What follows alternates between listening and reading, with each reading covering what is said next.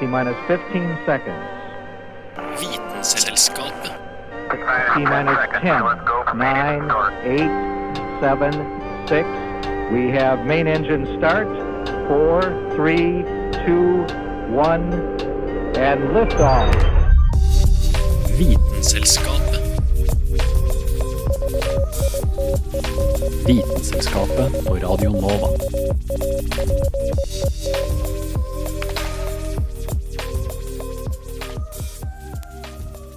Tallet det er dødt og begravet. Det er forbi.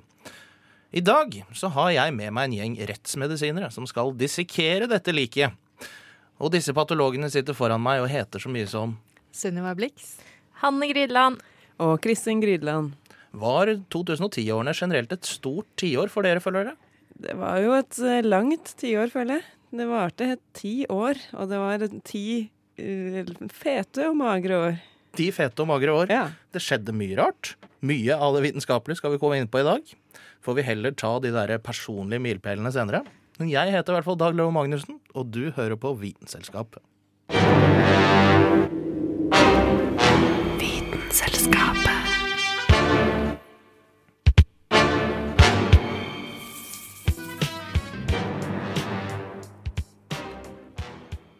Ja, vi begynner rett og slett i den vitenskapelige verden med Ja, hva er det egentlig vi skal begynne med, Tande P? Jeg skal fortelle deg en ting. Vi skal gjø- bedrive litt gentukling her. Vi skal pare DDE og Sven Ingvars! Ja, Det er vel ikke helt det vi skal, men uh, poenget med gentukling var likevel uh, Det var korrekt, var det ikke det, Kristin? Jo, det, det som er interessant her, er jo at Tande P bruker jo CRISPR-metoden. Nei da, han gjør ikke det. Men det er det mange andre som har gjort dette tiåret. Eh, fordi at eh, CRISPR C-R-I-S-P-R, så det høres det, det ser litt rart ut når man ser det skrevet. Det er eh, en metode som gjør det veldig mye enklere å klippe og lime i genene. Og det har jo revolusjonert uh, verden, egentlig. Og jeg tror ikke at uh, man har fått uh, Altså skjønt det helt, da. Tatt det helt inn over seg. Hvor mye rart man kan gjøre med det. Og hvor mye man kan bruke det til. Og hvor mye det kan forme framtida, da. Eh, Det, det får vi jo sikkert eh, litt mer eh, kjennskap til etter hvert som det blir brukt. Men Det høres jo ut som et litt sånn skummelt uh, filmplott du er i gang med. Jeg er helt sikker på at jeg har sett en sånn film før. Med klipping, limming og, og supermennesker, eller ikke-supermennesker, eller hva er det vi får? Ja, for det høres jo egentlig for enkelt ut til å være sant. For CRISPR-metoden er en metode hvor man bruker et protein som på en måte går bortover eh, Det får en liten sånn eh, bruksanvisning, eh, eller et lite kart. Og så går den bortover en DNA-sekvens, og så finner den akkurat det stedet hvor den, hvor den har fått det kartet. da. Og så tar den snipp, og så klipper den ut akkurat den delen som man skal eller vil klippe bort. Og siden DNA-et det har jo ikke lyst til å være delt, det vil jo alltid prøve å sette seg sammen igjen, kan man bruke det til å f.eks. ta vekk noe av det man vil ha, eller putte, putte inn noe som man har lyst til å, å teste ut, da. Eller, eh, og slik så kan man endre ja, egentlig alt mulig. Men er det, blitt- er det blitt testa ut, da, i real life? Ja, det er blitt testa ut in real life, eh, på dyr selvfølgelig. Men det som jeg tenkte jeg skulle snakke litt om i dag, er at det også er blitt testa ut på mennesker. Og det er jo, som dere jo skjønner, ikke spesielt etisk.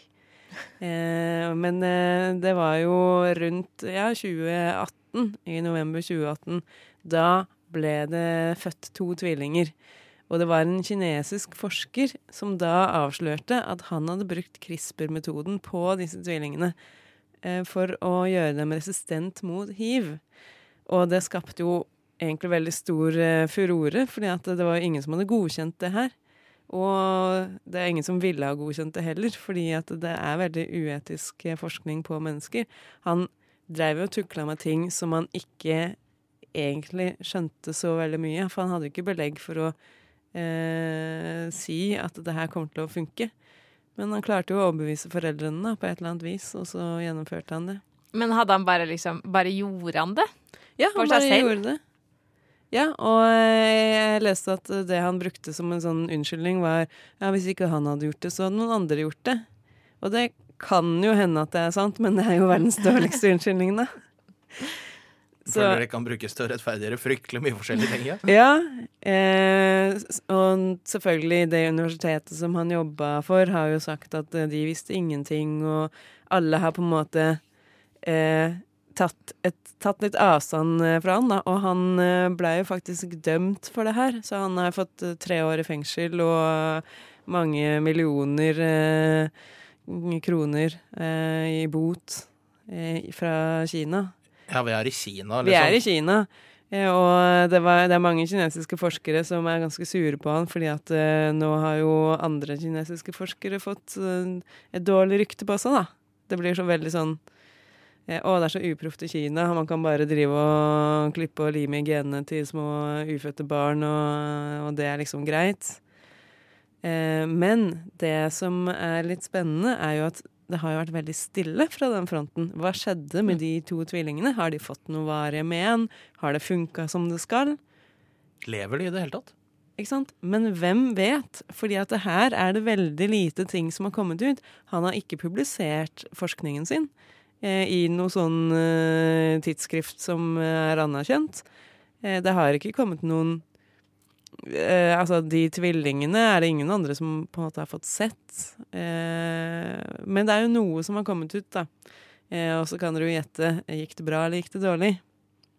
Nei, nå er jeg egentlig ganske spent. Eh, Det var jo liksom hiv også, det er en ganske big deal. Det var liksom ikke Jeg er allergisk mot epler, på en måte.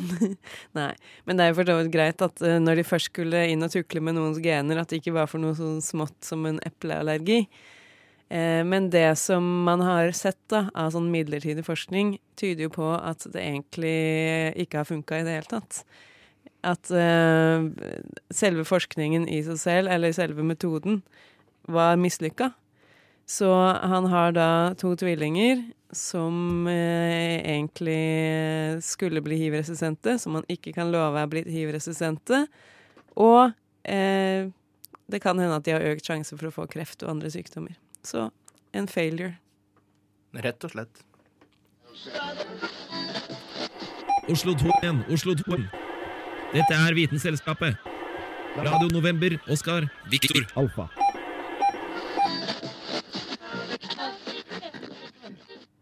Vi skal skifte litt tempo her, vi. Fordi det er ikke alle vitenskapelige saker fra det siste tiåret som har fått så mye oppmerksomhet. Og vi skal nå få høre om noen av disse.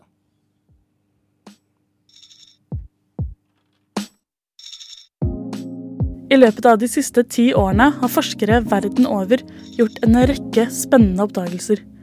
Men ikke alle har fått den oppmerksomheten de fortjener.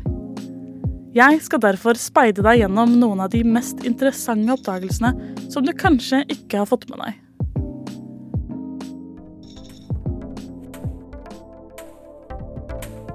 Har du som liten drømt om å bli astronaut? Eller har du kanskje vurdert å bli bonde og dyrke din egen mat? Nå kan du faktisk gjøre begge deler. Ja, for i løpet av det siste tiåret har forskere fra NASA oppfunnet måter for astronautene å dyrke sin egen mat på. I 2015 ble de seks astronautene på den internasjonale romstasjonen de første i verden til å kunne dyrke og spise sin egen mat i verdensrommet. Selv om de i tiår hadde eksperimentert med å dyrke planter på romstasjonen, var dette altså første gang de ikke sendte resultatet tilbake til jorden for å bli undersøkt nærmere. Dette ga astronautene litt variasjon fra sin dagligdagse frysetørkede diett, siden de nå kunne godte seg i fersk romanosalat.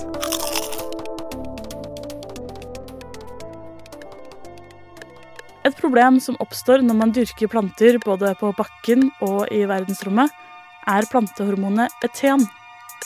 Hormonet oppstår i form av en gass som planter gir fra seg for å få frukten til å modnes fortere. En bivirkning av dette er så klart at frukten også fortere blir dårlig og varer mye kortere. Det har derfor blitt funnet opp såkalte etenskrubbere, som konverterer etenen i lufta til små mengder karbondioksid og fukt. Heldigvis fjerner etenskrubberne også bakterier, virus, mugg og lukt fra lufta, og har derfor blitt ofte brukt i restauranter, vingårder og matbutikker.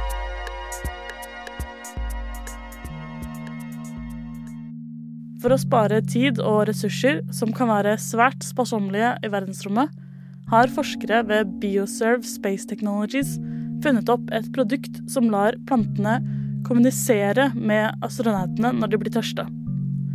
Produktet består av sensorer som måler tykkelsen på bladene for å få informasjon om hvor mye vann planten har fått i seg. Når planten blir tørst, sender den en tekstmelding til astronautene for å gi beskjed om at den trenger mer vann. Man sparer ikke bare tid på å ikke måtte vanne plantene så ofte, men man bruker også opptil 45% mindre vann på det.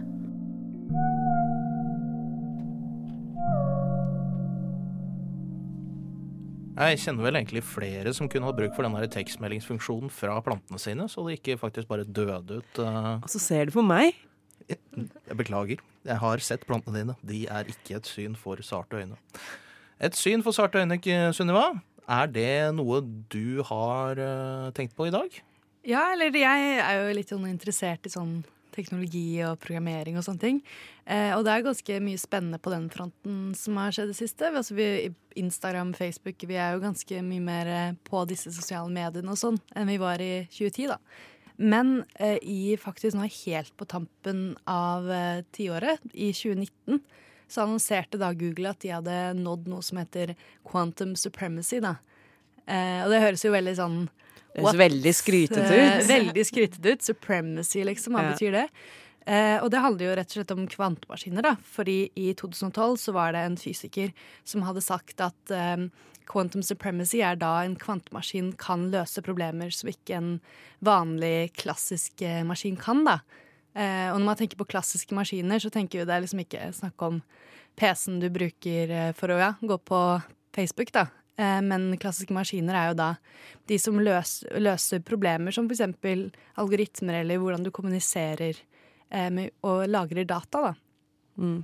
Eh, og det som er litt sånn spennende med kvantemaskiner, som nå liksom snakkes mer og mer om her, her blant oss også, er da at kvantema- sammenlignet med en vanlig PC, den kan løse problemer eller eh, Eller på en måte Ja, løse problemer, da, eller løse algoritmer, lagre data på en slags rekke av bits, som enten kan være null eller én. Hvordan det fungerer, er jo da at det enten kan være da i to stater, enten null eller én. Og så vil det være da en rekke av sånne Ja, en rekke av null og én, da. Eh, men dette vil jo ta ganske mye mer tid. Eh, forskjellen da er det at det er da to poler, på en måte, hvis du ser for deg en kule, da. Eh, der de bare en, en maskin bare kan ta én vei av gangen. Kan enten være null og én, kan bare gå fram og tilbake slik. Men en kvantemaskin kan da bruke hele polen. Den kan gå her hvor som helst. Den kan ta utrolig mange veier samtidig. Eh, som gjør at den er mye mye raskere og kan jo løse problemer veldig veldig mye raskere. Vi snakka litt om det her før sendinga, og kvantemaskin, det høres jo så utrolig heavy ut. Men eh, det vi tenkte på var er hvis du ser for deg en vanlig ta data som en sånn kodelås, hvor den har så og så mange tall, og så skal du prøve å åpne den koden, så begynner den på 0001, og så tar du 0002, altså så 00, så du må teste alle sammen, mens en kvantemaskin kan bare prøve alle tallene på en gang, og derfor går det mye raskere. Ja, nettopp. Så det er jo på en måte med eksempel Det spørsmålet er om det kan bryte kryptering og slike ting.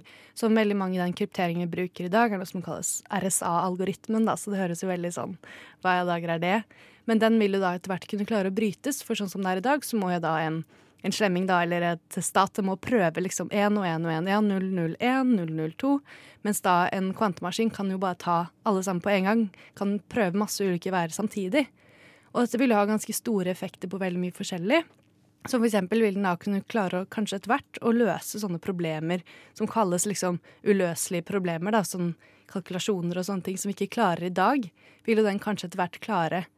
Eh, og da denne maskinen til eh, Google, de hevdet da at eh, de nå hadde klart å utvikle en kvantemaskin som kunne løse et problem som en tradisjonell PC ville brukt 10 000 år på, på faktisk bare 200 sekunder. Det er veldig raskt. Det er jo ganske stor forskjell, og den forskjellen er jo da den kraftigste maskinen som finnes i dag, er en av IBM som kalles Summit. Og den er på størrelse med to basketballer. Det er to basketballbaner, da. Det er litt, eh, ikke så liten. Men hvor stor er eh, den kvantemaskinen, da? Mens kvantemaskinen, den er Ja, den får plass i stua di. Så liten er den, da. Eh, Men IBM har jo vært litt sånn eh, skeptiske. De driver og utvikler selv, selvfølgelig, og de vil jo komme først. Alle vil jo komme først. Eh, Alle, alle industrier vil også ha dette her først, fordi de vil jo være på samme nivå som andre industrier, eller andre deres competitors, da. Eh, Men de hevdet jo da at nei, hallo, dette vil jo bare ta to og en halv dag. Men det er ganske stor forskjell på å bruke 200 sekunder og Og to og en halv dag. Man kan jo tenke seg at eh, det kommer til å bli forska mer på det da, etter hvert. Så, for det blir jo sånn slags eh, kvantemaskinkappløp. Ja, jeg tror ikke at eh, vi kommer til å bli et sånt At vi kommer til å være ferdig med kappløpet, at de kommer til å ta over i morgen. Men det er ganske spennende å se hva som skjer de neste ti årene. da. Ja, Vi vil vel egentlig ikke ha den der lille computeren i stua til Mark Zuckerberg heller. Det tør jeg å påstå med en gang. Huff a meg, dette var skummelt. Du Du Du hø hø hører på. på Radio Nova. Det gjør du så absolutt. Du hører på Vitenselskapet på Radio Nova, faktisk. Nå skal jeg ta denne basketballballen, og ikke banen. Nå skal jeg slenge den over til en mann ved navn Carl Adams Kvam. Han har kokkelert noen skumle greier. La oss høre på det. I løpet av de siste ti årene har oss blitt mer og mer sikre på at robotene kommer for å ta oss. Jobbene våre skal forsvinne, ifølge dommedagsprofetiene. Og ett ord er det skumleste på dem alle. AI. Kunstig intelligens. Ideen har eksistert lenge, men med økt datakraft og interesse tok AI stor plass på 2010-tallet. Men hvor bra er det egentlig? Først og fremst er det knappast intelligens oss har med å gjøre. Menneskehjernen er den mest kompliserte strukturen hos vet om i hele universet, så å herme etter den blir ikke gjort på et blunk. Det oss kaller for AI, handler for det meste om maskinlæring. Og det er et imponerende stykke teknologi, det, altså. Maskinlæring går ut på at du mater ei mengde med informasjon inn i ei algoritme, uten at du har gitt noen spesifikke instruksjoner. Algoritmer skal da på egen hånd finne ut av hvordan å sortere gjennom all data, og komme ut med et resultat. Maskinlæring kan brukes til mye rart. For det første kan du bruke det til å klassifisere. Gir du programmet en haug med bilder av ulver og hunder, kan den lære seg at ja, det her er en hund. Eller nei, det her er ikke en hund.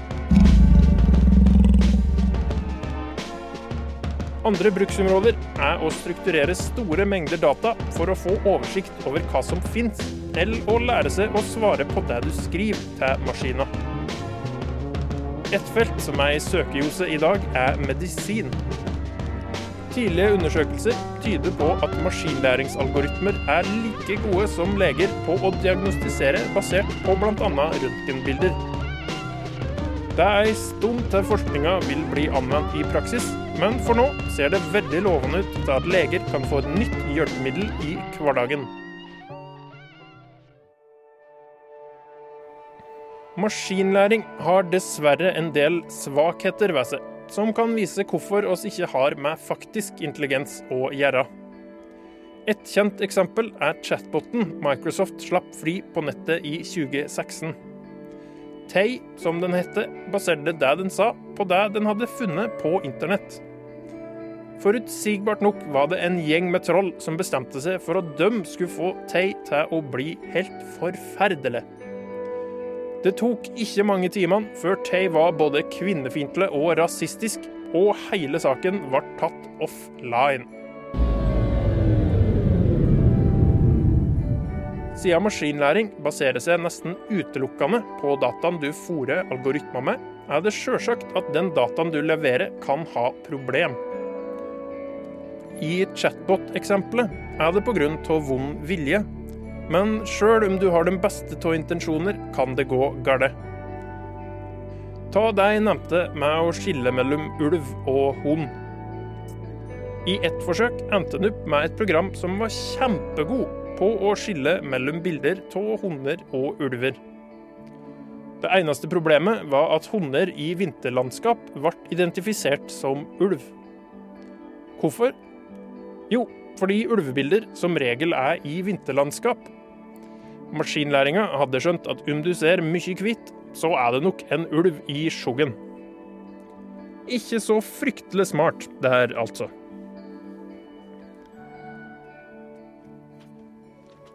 Men fryktelig smart, det syns jeg du er, Karl Adamskvam. Takk for dette innslaget om maskinlæring. Jeg har i det siste sittet og sett litt på og Jeg veit ikke helt hva det kommer av, men om det er sånn der voyeurisme for at folk er rare og har hatt rare sykdommer, eller hva det er for noe. Det er det der, Hva feiler det deg? på NRK. Hvor det er liksom et lag med leger mot et lag med vanlige folk. Kanskje det er litt den der at du håper at legene skal tape. De er ikke så smarte likevel. vet du. Jeg håper alltid at legene skal vinne, jeg. Ja, vi bør kunne stole på dem, så jeg skjønner det instinktet også. Men eh, der var det nettopp ei jente med alle organene på feil side. Men hun hadde i det minste alle de vanlige organene. Men du skal inn på noe som ikke er så normalt å ha av organ, Hanne. Ja, det stemmer, fordi i løpet av det siste desenniet så er det faktisk blitt oppdaget at vi mennesker har et helt nytt organ. Altså, hva mener du? At vi har et nytt, noe som har kommet inn den siste tida, eller et organ som vi har hatt hele tida? Nei, altså vi har jo hatt det hele tida. Vi har ikke utvikla et nytt organ. Men det er først eh, i 20, ja, 2012 til 2017 at man klarte å skjønne at, eh, at dette her var faktisk et organ, og ikke bare en del av kroppen. Eh, OK, for det første så trodde jeg at et organ var en del av kroppen. Men hvordan kan vi ha levd så lenge og så ikke ha oppdaga altså at det er et helt organ som vi har, som vi trodde at vi ikke hadde? La meg først forklare hva slags type organ dette er. Det heter Messentry eh, på engelsk. Jeg tror det heter krøs på norsk, men jeg bruker Messentry eh, her. Krøs, er ikke det sånn, sånn som eh, fugler har i halsen? Eh, jo, det er krås, tror jeg. Oh, ja. eh, men i hvert fall Messentry er eh, et lag med Altså det er på en måte en, et flak som binder tarmene til kroppen. Eh, så du kan tenke deg at tarmene deres de henger jo rundt inni magen. Og så de henger fast i kroppen eh, gjennom at de er forbundet eh, til et sånt membranlag, da. Så dette er en slags sånn dobbeltsidig teip inni magen? Ja, på en måte. Det er et sånn digert sånt eh, flak eh, som er da eh, bukhinne. Altså det er to lag med bukhinne. og det er et kjempestort flak som er på en måte det, det er forma som en vifte, på en måte. Og den følger jo, ikke sant, siden den henger sammen med tarmene, så følger den jo alle tarmbevegelsene, og den er liksom bretta sammen, og eh, det ligger veldig sånn eh, rart til inni kroppen. Så man, man, har jo trodd at det her har vært um, At det ikke har vært et sammenhengende lag. Det var først når uh, universitetet i Limerick klarte å bruke sånn nye mikroskopteknikker og sånn nå eh, den siste tida, at de skjønte at det her var jo ikke separate flak, det var ett stort flak. Eh, og det betød at det var ett organ som man kaller mesentery. Og det som er litt morsomt, var jo at Leonardo da Vinci ø, beskrev jo dette som ett organ eh, allerede i, sånn, på begynnelsen av 1500-tallet. Det er flaut, altså. Ja, jeg skjønner ikke at man har drevet og forska på ting etter da Vinci. Han uh, fant jo ut alt, og så trenger vi ikke å finne ut noe mer. Ja, for problemet var at det var en lege på slutten av 1800-tallet som motbeviste da Vinci. Altså, han tok jo feil. Men da sa han sånn nei, det er ikke ett organ allikevel, det er bare sånn masse forskjellige flapper. Uh, og det har man jo trodd helt da fram til 2012, da. Men er det noe vi kan bruke denne nye kunnskapen til, egentlig? Eh, ja, altså Man ser jo at når man kan behandle det som et organ, eh, så er det litt lettere å forske på det og skjønne måte, sammenhengen mellom sykdommer og sånn. Blant annet så er det den Crohns sykdom. Dere vet Det er en sånn mage-tarm-sykdom hvor du får sånn hull mellom organene ja. Eh, og tarmene. Uh, og de er jo forbundet gjennom den mesentery. Uh, så det, det, har man begynt å kalle en messentry-sykdom da. Og det, det vil, er jo kanskje nøkkelen for å faktisk finne en ku, da. Så er det masse andre ting, selvfølgelig. Jeg blir, blir amazed, altså.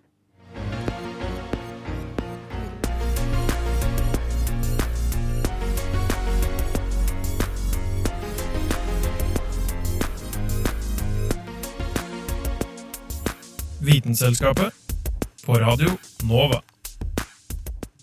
På sett og vis har du nettopp vært inne på en ting, Hanne, som vi skal fortsette litt på. En sånn tråd, for det er jo mange ting som er teoretisk bevist, men som vi ikke på en måte har praktiske eller faktiske beviser for. En av disse tingene fikk vi faktisk i 2019, og det var at vi på ekte, helt på ekte, fikk et bilde av et svart hull.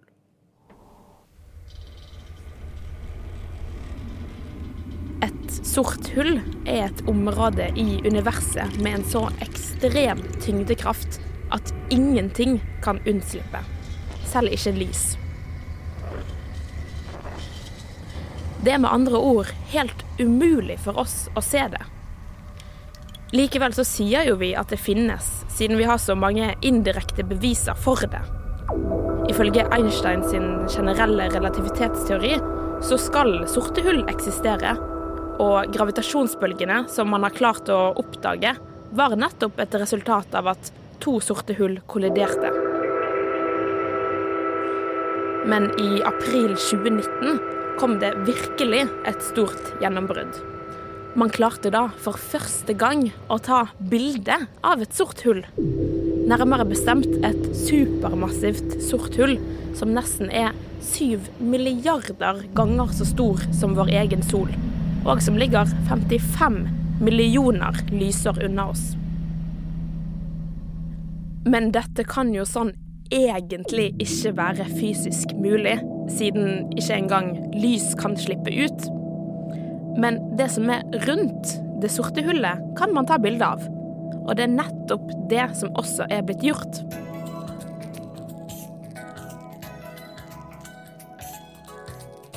Selve bildet ser ut som en rød-oransje lysende ring på en svart bakgrunn. Dette er nemlig stråling utenfor den såkalte hendelseshorisonten, som danner en silhuett rundt hullet. Denne ringen rundt er en samling av materie, gass og støv som faller ned i det sorte hullet.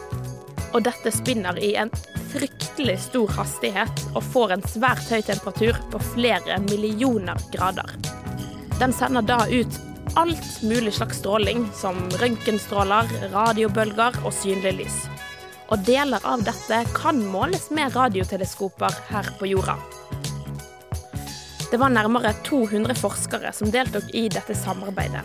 Og selve bildet ble til ved å bruke data fra åtte radioteleskoper som til sammen danner et virtuelt teleskop på størrelse med jorda datamengden fra disse var så stor at det til og med ble fraktet med fly i stedet for over nettet.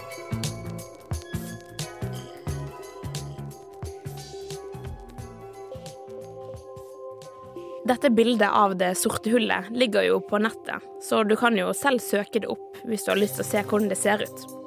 For å være helt ærlig så ser det ikke så fascinerende ut som den faktiske bragden av å ta det. Ifølge astronomen Jostein Riiser Christiansen så er dette her ekstremt imponerende, og sammenligner det med å stå i Oslo og kunne klare å se en menneskelig eggcelle i Trondheim. Som jo høres umulig ut. Og det hele ble kåret til årets vitenskapelige gjennombrudd i 2019 av tidsskriftet Science.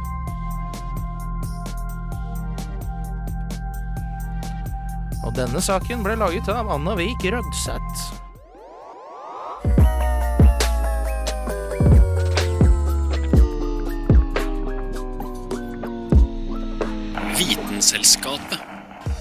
Og det var alt vi hadde for denne gangen. Nå ligger 2010 bak oss ferdig dissekert.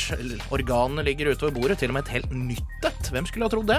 Tusen takk til deg, Sunniva, til deg, Hanne Grydland, og til deg, Kristin, for å ha tuklet med gener, forklart om kvantecomputere og gitt oss et nytt organ i dag. Jeg heter Dag Løvold Magnussen. Vil også takke Carl Adams Kvam, Anna Vik Rødseth og Julianne Lifjell for å ha vært med i denne sendingen. Vi ses neste tirsdag, eller på nettet til enhver tid. Soundcloud, Spotify, alle mulige podkast-apper. Der er vi, vet du. Takk for nå, og ha det bra. Vitenselskapet. Shut up! Shut up! Shut up! Shut up! Shut up! Shut up! Shut up! Radio Nova gir seg aldri.